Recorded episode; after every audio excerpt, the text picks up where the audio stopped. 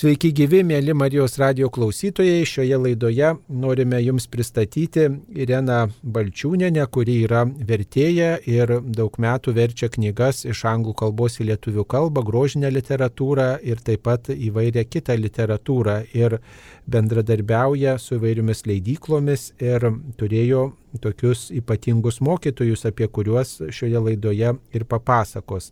Sveiki gyvi. Sveiki gyvi. Taigi, mėla Irena, štai jūs verčiate knygas ir to vertimo meno mokėtės aukštose mokyklose, tačiau nuo mažens turėjote labai gerą mokytoją Kazimierą Šapalą. Gal truputėlį reikėtų pristatyti daugiau, kas tas buvo Kazimieras Šapalas ir kodėl jis padarė jums tokią didelę įtaką, kada jį pirmą kartą sutikote ir kuo jisai pasižymėjo jūsų gyvenime, kokiomis savybėmis, ko mokė jūs, kaip jį prisimenate? Jis mokė mus pačios sunkiausios disciplinos istorijos, kuri sovietmečių buvo labiausiai persekiojama. Ir viso to, ko negalėdavo pasakyti klasiai per pamoką, nors daug ką pasakydavo, mes sužinodavom keliaudami per Lietuvą. Dabar, kai aš papasakoju kartais vaikams, anukams, jie patikėti negali mes apkeliavom mokytojų skatinami ir savo auklėtojos Vasės Ramanauskienės vadovaujami, nebuvo rašytojo, kurio tos senųjų rašytojų Lietuvos, kurių mes nebūtume aplankę gimtųjų vietų. Ir buvom Šatrijos raganos gimtinėje, matėm tuos dar apgriuvusius, nesutvarkytus namelius, lasdynų pelėdos gimtinę. Pats Šapalas mus atvežė didžiulę moksleivių grupę į Vilnių ir taip pasakojo, kaip niekada per pamokas mokytojai nepasakoja. Paskui praplaukėm mes Merkiu visų ir Nemunu iki Kauno sustodami visose istorinėse vietose, užsirašydami, nukeliavom netgi į Krėvės gimtinę. Krėvėgi buvo sovietmečių vienas iš labiausiai vadraudžiamų ir rašytojų, o mes lankėmės jo gimtajam name, bendravom su jo seserė, kuri pasakojo mums apie Krėvę. Paskui praplaukėm nuo Sartų ežero šventąją nerimi iki Kauno, sustodami kiekvienoj vietoj. Tai vad mokytojai dėstė ir mokė pažinti tėvynę, kiekvieną, kiekvieną vietą, kaimą. O paskui, jeigu trumpesnės tokios ekskursijos, tai pavažiuojam truputį už Kauno autobusu, o paskui 15 km. Nu, žodžiu, įvairias vietas dar nukeliaujam. Suslydėm į pažaislio vienuolyną, kuris jau tuo metu buvo uždarytas, atsimenu, tokia moteris, net nežinau, kas į suraktų ryšulėlių atidarė ir mus po neapšviestą pažaislio visą vienuolyną, tamsias sales išvedžiojo, nu, paskui jau jį visai ten atėmė, uždarė. Tai va šitaip, tokie mokytojai buvo ir ne tik šapalas. Čia buvo, pavyzdžiui, Juozas Rimantas, kuris vat, prieš mums išplaukiant Merkiu, mums perskaitė iš savo rengiamos knygos Petras Rimšas pasakoja, kaip visiškai tuo pat maršrutu plaukė prieš 47 metus, 1911 metais, Žmuizinavičius, Ivanauskas ir, nu, žodžiu, vat, plaukė kultūrininkai didieji ir jis viską surinko, aprašė, mes viso to klausėmės ir praplaukėm visiškai už tom pačiom vietom. Tai žodžiu, kad toks tėvinės meilės, pažinimo dėgymas buvo šito mokytojo dėka. Kazys Šapalas mirė 1982 metais, eidamas 79 metus. Sakoma, kad didžiausias jo gyvenimo toks nuopelnas buvo žydinio leidimas. Tokį leidinį žydinys leido, kuriame katalikišką mintį norėjo paskleisti kuo plačiau ir tarp įvairių žmonių, ypač tarp inteligentų. Katalikų kultūros žurnalas žydinys. Tai galbūt apie tai irgi jis yra kalbėjęs, pasakojęs jums jis mums šiek tiek pasakojo, bet čia yra labai įdomus sutapimas toksai, kad aš vėliau sužinojau apie tai, nes man likimas lėmė su Vincu Mikulaičiu Putinu gyventi. Paskutinius jo ketverius gyvenimo metus iki mirties aš buvau ištekėjus už jo augintinę ir gyvenau kartu. Tai vad jisai ir pasakojo apie šito žydinio leidimą ir čia buvo labai be galo man įdomu sužinoti, kad ir vardą žydinio žurnalui pasiūlė nuostabus studentas, ateitininkas Šapalas. Kai aš išgirdau, kad tai yra mano mokytojas, o paskui vėliau sužinojau, kad rūpintojėlį kai Šapalas sumanė leisti. Tai čia vėlgi ryšys labai jau stiprus su Vincu Mikolaičiu Putinu, su jo rūpintojėliu, aš manau kad žmogus išlaiko tarsi visas va šitas nuostabiausias savybės, kad ir kaip persekiojami buvo, bet vaikams, sakau, va, moksleiviams perteikia be galo daug. Paskui va irgi jau vyresniam amžiui perskaičiau, aš irgi gavau ir žydinį, ir kitus žurnalus, tai buvo labai įdomu. Tai čia iš tiesų 1924 iki 40 ėjo žydinio žurnalas, kuris turbūt siekė katalikišką mintį, kad inteligentai, taip pat ateitininkai turėtų žurnalą, kuris padėtų jiems aukti ir gilintis į įvairias tikėjimo tiesas, į krikščionybės istoriją. Tačiau, kaip žinom, nuo 40 metų žurnalas negalėjo eiti, tiesiog katalikiška mintis buvo įvairiai varžoma. Ir tik tai nuo 1977 metų iki pat nepriklausomybės 90-ųjų ėjo toks žurnalas Rūpintojėlis. Jo iniciatorė buvo Ada Urbonaitė, pranciškonė, tačiau pirmasis redaktorius būtent buvo Kazimieras Šapalas. Ir tiesiog buvo toks tikslas, kaip čia padaryti, kad būtų galima atgaivinti tas žydinio idėjas to žurnalo, kuris ėjo prieš karį. Tame leidinyje, Rūpintojėlio leidinyje buvo pasakojama krikščionybės istorija ir taip pat vakariuose leidžiami veikalai ir jų ištraukos spausdinamos ir taip pat kartais paneigiama įvairi ateistinė propaganda. Ar sovietmečiu teko jums apie tuos leidinius girdėti ir galbūt skaityti? Deja, rūpintojėlį atradau jau nepriklausomybės laikais. Daugiau kronika katalikų bažnyčios. Kai šitie va plito, dalinomės, gaudavom paskaityti, kartais net atšviestus jau vėliau leidinius. Bet kai man teko Mikolaičio Putino bibliotekos, galėjau iš jos, nu arba pavyzdžiui, dargi labai artimai bendravom su vat, kunigu Vasiliausku, tai jis atneždavo, tai žodžiu, kitais keliais atkeliavo ir aš rūpintojėlį visą perskaičiau dėja tik tai jau nepriklausomoje Lietuvoje. Bet manau, kad kurie skaitė, tai čia yra lobynas. Ir dabar, matydama besikeičiančią visiškai vasę ir sovietmetį kitą formą grįžtantį, aš manyčiau, kad vėl jį reikia labai labai paplatinti ir kad galėtų paskaityti. Pasižiūrėjau, va dabar va, šitos laidos laukdama, vėl permečiau akimis daugybę straipsnių, tai tiesiog nuostabu ir manyčiau, kad dabar labai reiktų vėl jį paskaityti.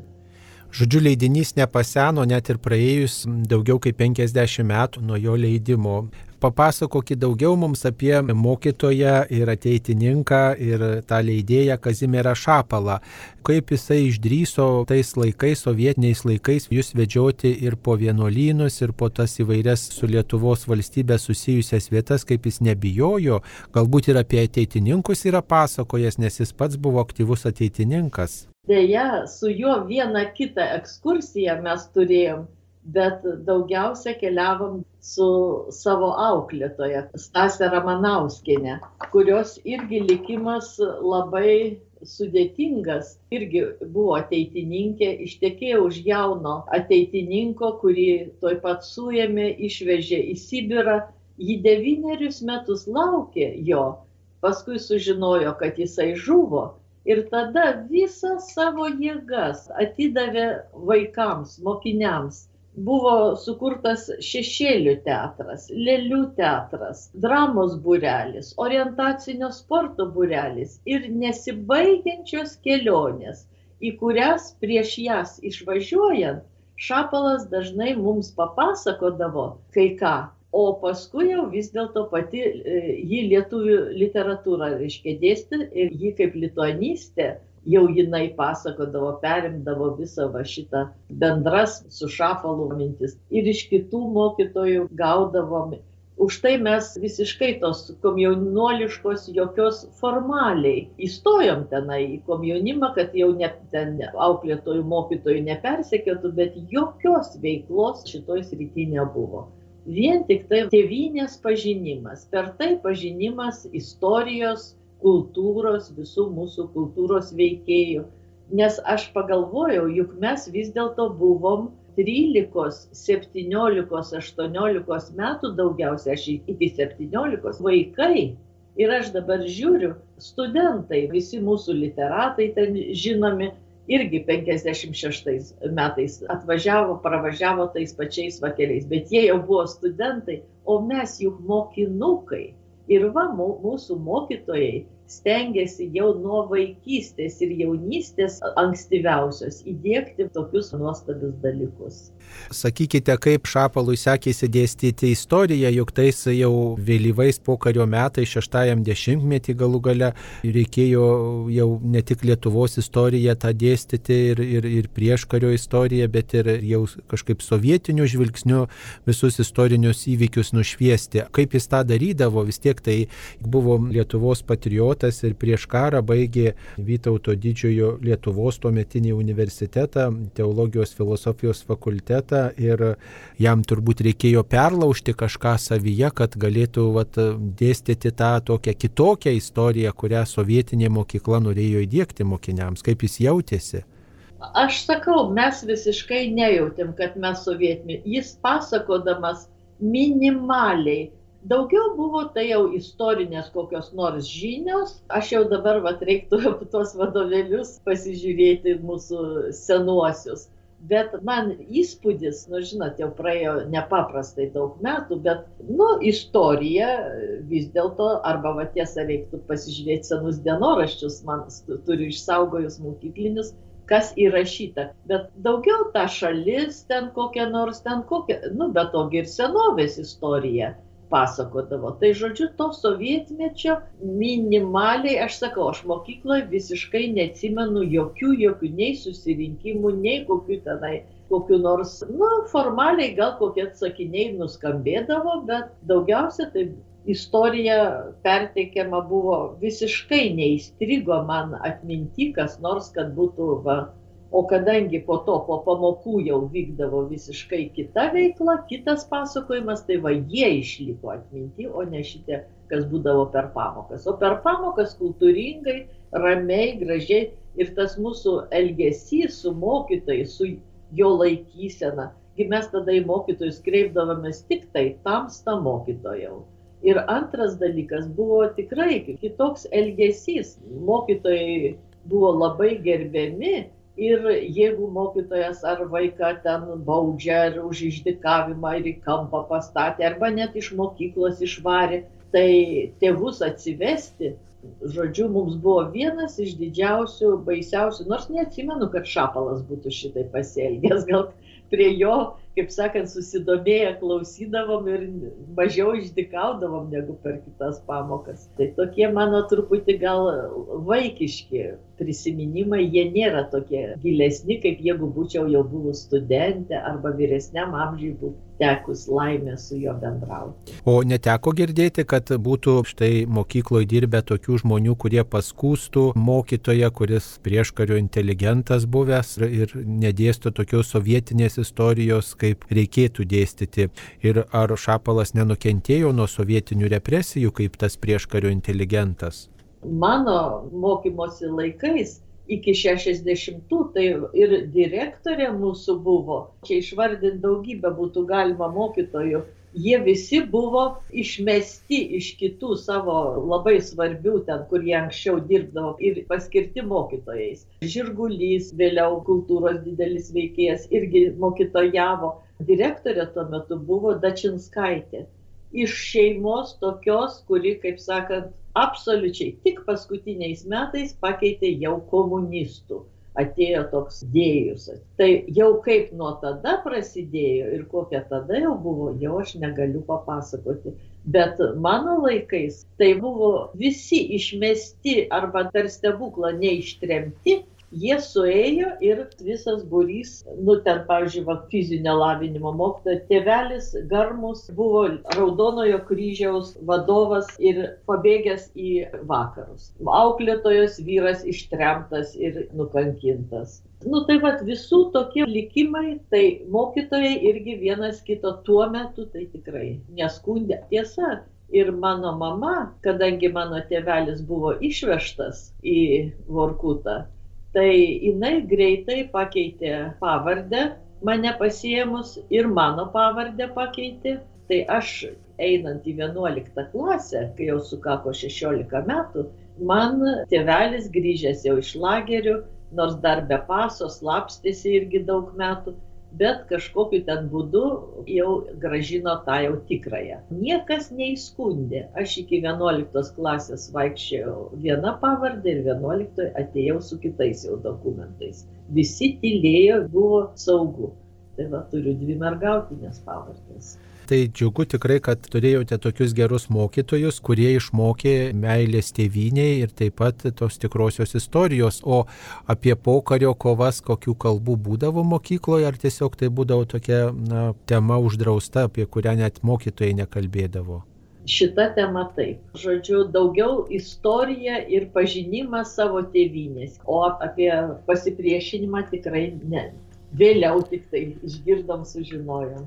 Na, vaikai yra vaikai, turbūt būdavo taip, kad ir nepadarydavo ir namų darbų, ir, ir, ir tiesiog gal ir kontrolinius netinkamai parašydavo, ar išdikaudavo mokykloje, turbūt gal mažiau būdavo, bet vis tiek turbūt pasitaikydavo. Ar pavyzdžiui, Kazys Šapalas yra kėlęs balsą ar parašęs dviejatų, jog baręs vaikus, palikęs po pamokų, buvęs griežtas, kaip jį prisimenat iš tos pusės, žmogiškos tokios pusės iš tos pusės jį atsimenu kaip vieną iš geriausių mokytojų, švelniausių ir ramiausių.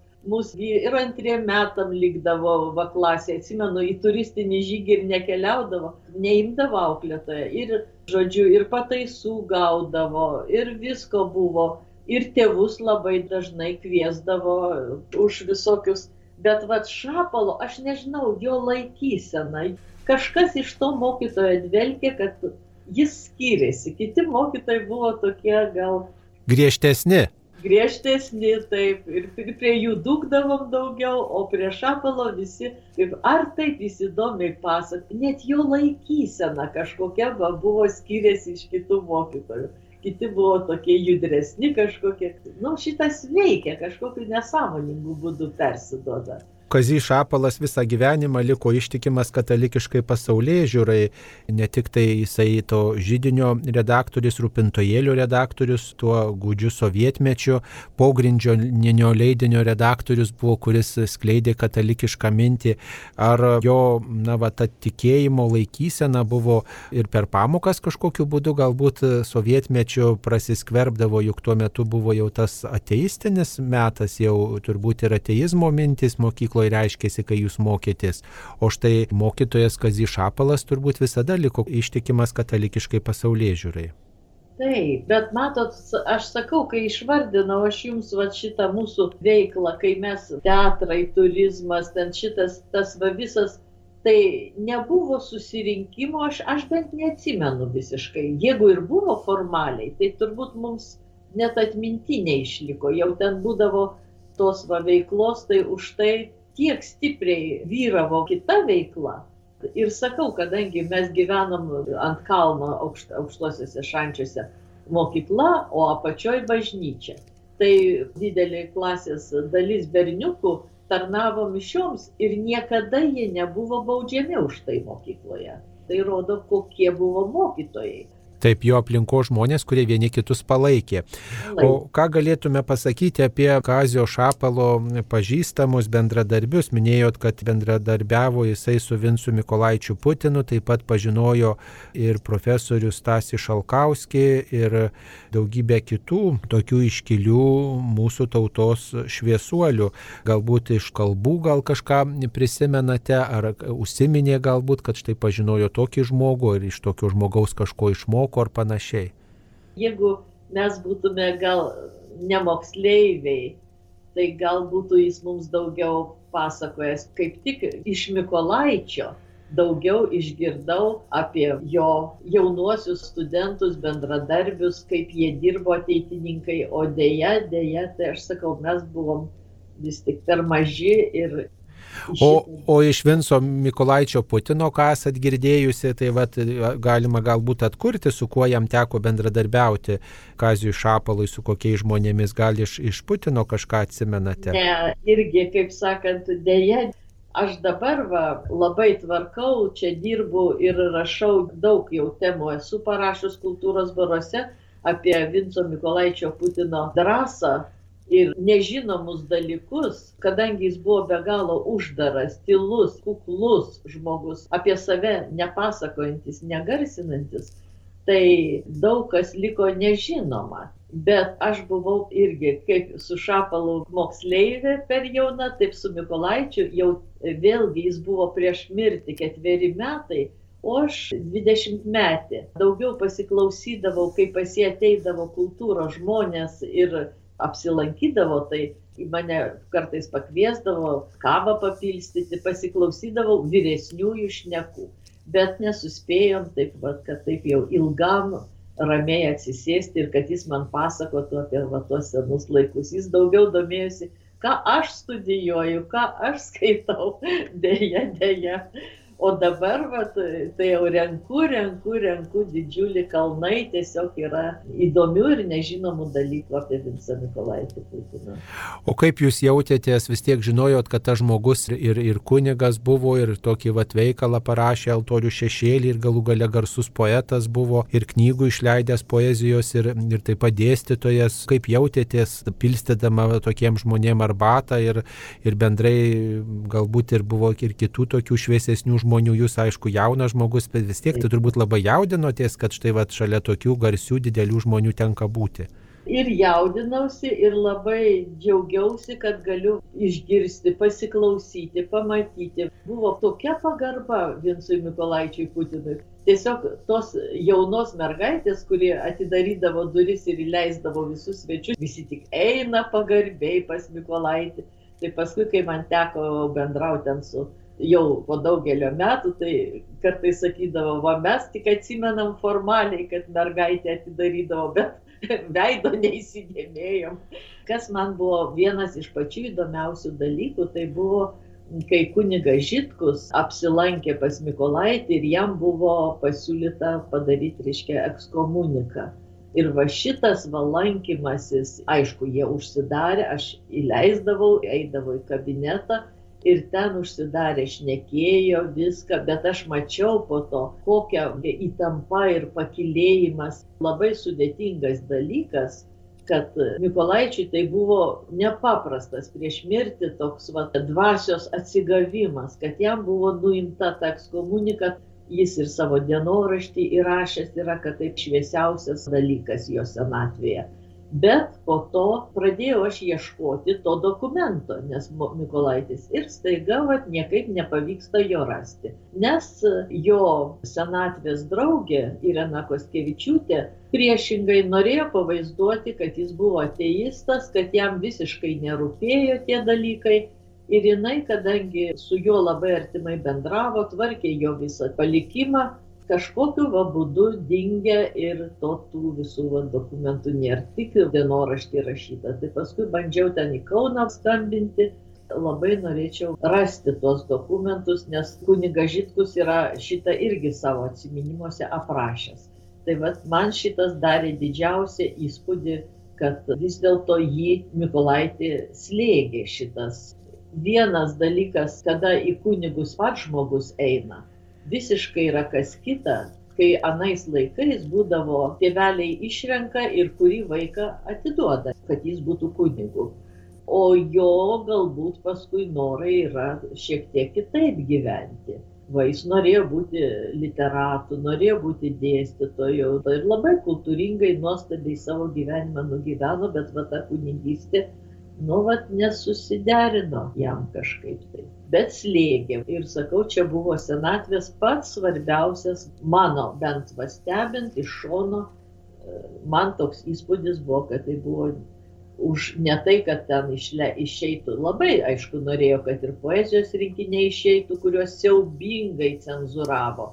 Labai gerai irgi mačiau, kaip Antanas Venslova išbrauko, irgi rašau apie tai, išbrauko, ištaiso, kokia buvo cenzūra, juoda, baisi, išniekinimas stačiai kad išleistų rinkinį. Paskutiniai rinkiniai yra išcenzuruoti, tai paskui va rengiant raštus nepriklausomybės laikais atstatyta tikrasis tekstas.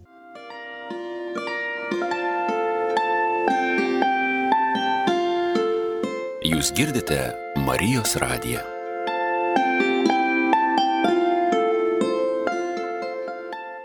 Kiek teko girdėti, kad e, Vinsą Mikulaitį Putiną iki pat mirties labai stropiai sekė saugumas ir vis galvojo, kaip čia jį panaudoti savo propagandai. Ar su tuo kažkaip būdama jauna susidūrėt, kažkaip pastebėjot, kad jis būtų vat, sekamas ar kažkaip persekiojamas? Taip, šitą temą labai domėjausi, kadangi viena studentė rašė darbą netgi ir surinko visą šitą didžiulį archyvą, nu visą, kas guli saugumo to įstaigoje, visą medžiagą, kiek buvo agentų, tada buvo ne agentai, o tiesiog įvairius žmonės, kurie supo buvo šalia, klausinėdavo ir užrašinėdavo. Visa medžiaga yra išlikusi pavyzdžiui, mano vyro, už kurio aš ištekėjau, ir va, Mikolaitis, Mikolaičiai neturėjo savo vaikų, bet paėmė du mirtinai sergančius vaikučius po karo. Vienas buvo Mikolaitinės sesers sunelis, mirtinai susirgęs, kitas Mikolaičio brolio dukrytė, Džiova susirgusi. Nu ir jie juos išgydė ir užaugino aš ištekėjau už to išgelbėto berniuko ir yra saugumiečių įrašas, kad štai šitas berniukas lanko mokyklą ir auklėtoja ateina pas Mikolaitį ir sako, jūsų augintinis ne pionierius, nu negalima tais laikais, čia visiškai dar pokaris, dar anksčiau, va, negu aš mokiausi, tai jau klasiai viena ne pionierius. Ir Mikolaitis atsako, apsės, nereikia, mano augintinis nebus ir nebuvo nei pionierium, nei po to komjaunuoliu. Tai čia yra reta. Mes visi va buvom, visi, nu, formaliai sustojom, kad tik nepersekiotų, o va štai pas Mikolaitį ir auklėtoja ateina ir jisai atsisako. Ir yra daugybė vairašų įvairiausių, kaip jis buvo sekamas bet po to, kadangi kartais jie ir klysta, ten painioja vardus, pavardės, visokių ten ir tarnaičių, ir kaimynų, ir ten visko klausinėja, tada yra įrašas, reikia pagaliau rasti vieną šalia dirbantį žmogų patikimą, kuris sektų. Ir nuo tada visa medžiaga yra dingusi, nebėra kadangi neturiu jokių įrodymų, tik yra vien spėlionės, spėlionės, spėlionės prielaidos. Tai nenorėčiau sakyti, kas iš bendradarbių tapo, kuris viena artima ir, žodžiu, pranešinėjanti viską. Tas, kuris šalia visiškai ir viską žino. Su kuriuo Mikolaitis kalbasi atvirai apie viską. O sakykit, kokia nors kalba apie tikėjimą būdavo su jumis arba su jūsų vyru, kol jis dar buvo augintinis, vis viena ateina tas laikas, kada reikia priimti ir pirmą komuniją, ir paskui gal sutvirtinimą, ir, ir toliau švesti sekmadienį. Tokių temų, minčių būdavo pokalbiuose būdavo gal ne apie mus, bet mes visada šventėm ir Velykas, ir Kalėdas labai gražiai prie stalo susėdę ir gal ir būtų šita tema labai kažkas įvykę, bet kai man gimė sunelis, turėjau aš atvažiuoti į Kačerginę, kuris vasarodavo. Ir ten manėm bus krikštas, bus viską. Ir man va dar neišėjus iš ligoninės, Mikolaitis mirė. Tai paskui tik po jo mirties, jo kambarį, kuris jau mirė ir buvo pašarvotas, kunigas, kuris prie jo buvo kviestas, kunigas Žitkus, po to šitam kambarį ir pakrikštijo mūsų sunelį, bet jau be Mikolaičio. O kaip jūsų vyras buvo ugdoma šitoj srity, ar kažką gal yra pasakojęs, ar kažkaip kitaip gal sužinojote apie tą vat, krikščionišką mintį, ar tiesiog buvo palikta savyjeigai Putino? Gal daugiau jo žmona prižiūrėjo, taip jau, kaip sakant, pats Mikolaitis vaikų šito ūkdymu gal nelabai. Taip jis tik tai suteikė visą materialinę, kad va šitie vaikai. Daugiau jau čia teko jo žmonai visas tas auginimas, o jinai stropiai lankė bažnyčią visą sovietmetį, viską ir bet labai įdomiai. Berniukas ėjo į bažnyčią, o mergaitė tapo juodžiausia ateistė komjaunuolė aktyviausia, ten labai jų keliai išsiskyrė ir Mikolaičiui buvo nepaprastai skaudu ir jinai paskui ištekėjo už komjaunimo sekretoriaus universitete labai daugelį persekiojusių kitų. Paskui senatvėj atvirto likusi našlė jau ir vieniša, tikinčia ir vaikščiančiai bažnyčia staiga. Nu, ypatingai, kaip sakant, tokia jau, jau kaip į davatkų jau net perėjusi tada jau susidraugavo su vienu kunigu kunigystę metusiu. Jis ją pradėjo globoti ir va visus Mikolaičio laiškus, aš po to kreipiausi į šitą kunigą, jisai sudegino viską, sunaikino. Gyvenimas labai sudėtingas ir pilnas, va mato, tokių va, dalykų. O tai kaip galėtume apibendrinti jūsų gyvenime sutiktus mokytojus, inteligentus, kokią įtaką jums padarė jūsų gyvenimui, kokią įtaką turėjo reikšmės pasirenkant jums vatvertėjos kelią, studijas būtent tokias, kokias pasirinkote? Tie žmonės man padarė nepaprastai didelę įtaką ir aš vertėjos kelią ir rinkausi dėl to, kad sovietmečiu tai buvo šiokia tokia galimybė išsaugoti daugiausiai laisvės.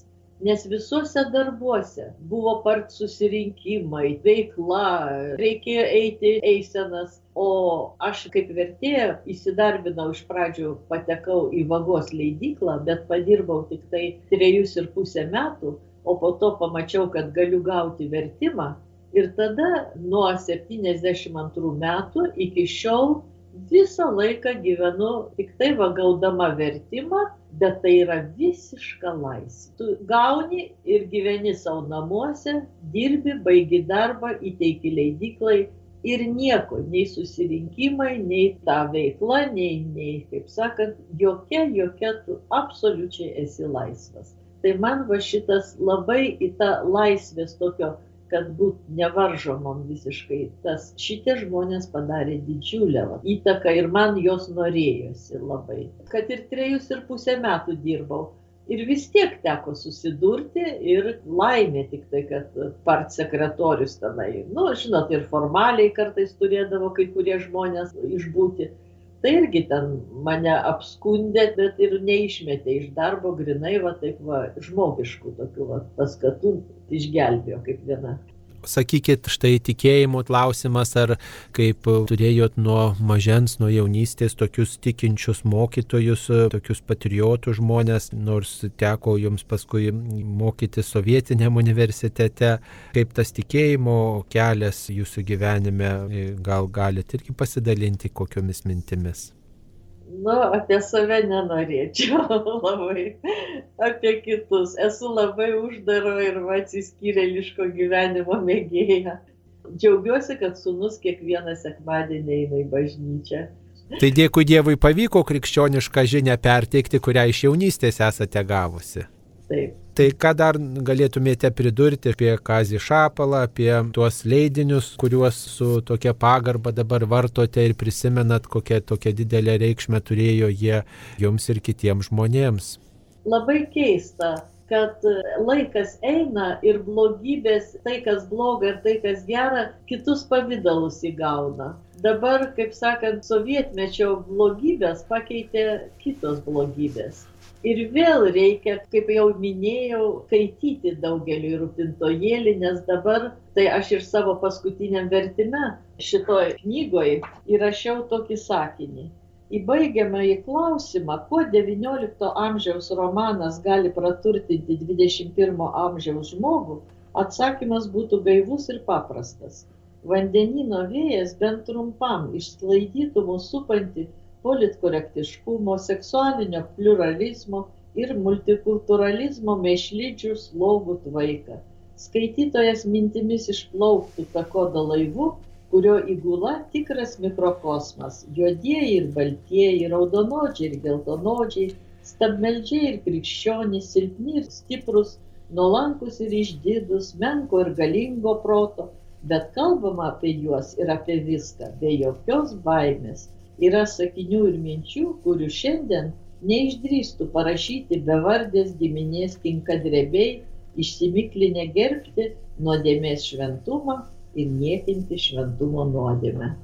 Tai ačiū mielai Irenai Balčiūneniai, kuri yra vertėja ir žydinio bei rūpintojėlių redaktoriaus Kazio Šapalo mokinė. Kazys Šapalas buvo istorijos mokytojas, mirė 1982 metais ir prieškario inteligentas, ateitininkas, bendravęs su turbūt visai šviesiausiais prieškario inteligentais ir turėjęs reikšmės daugybei mokinių, kurie pasklydė po visą pasaulį. Šioje laidoje Irena Balčiūnenė kalbino aš kunigas Saulis Bužauskas. Ačiū visiems.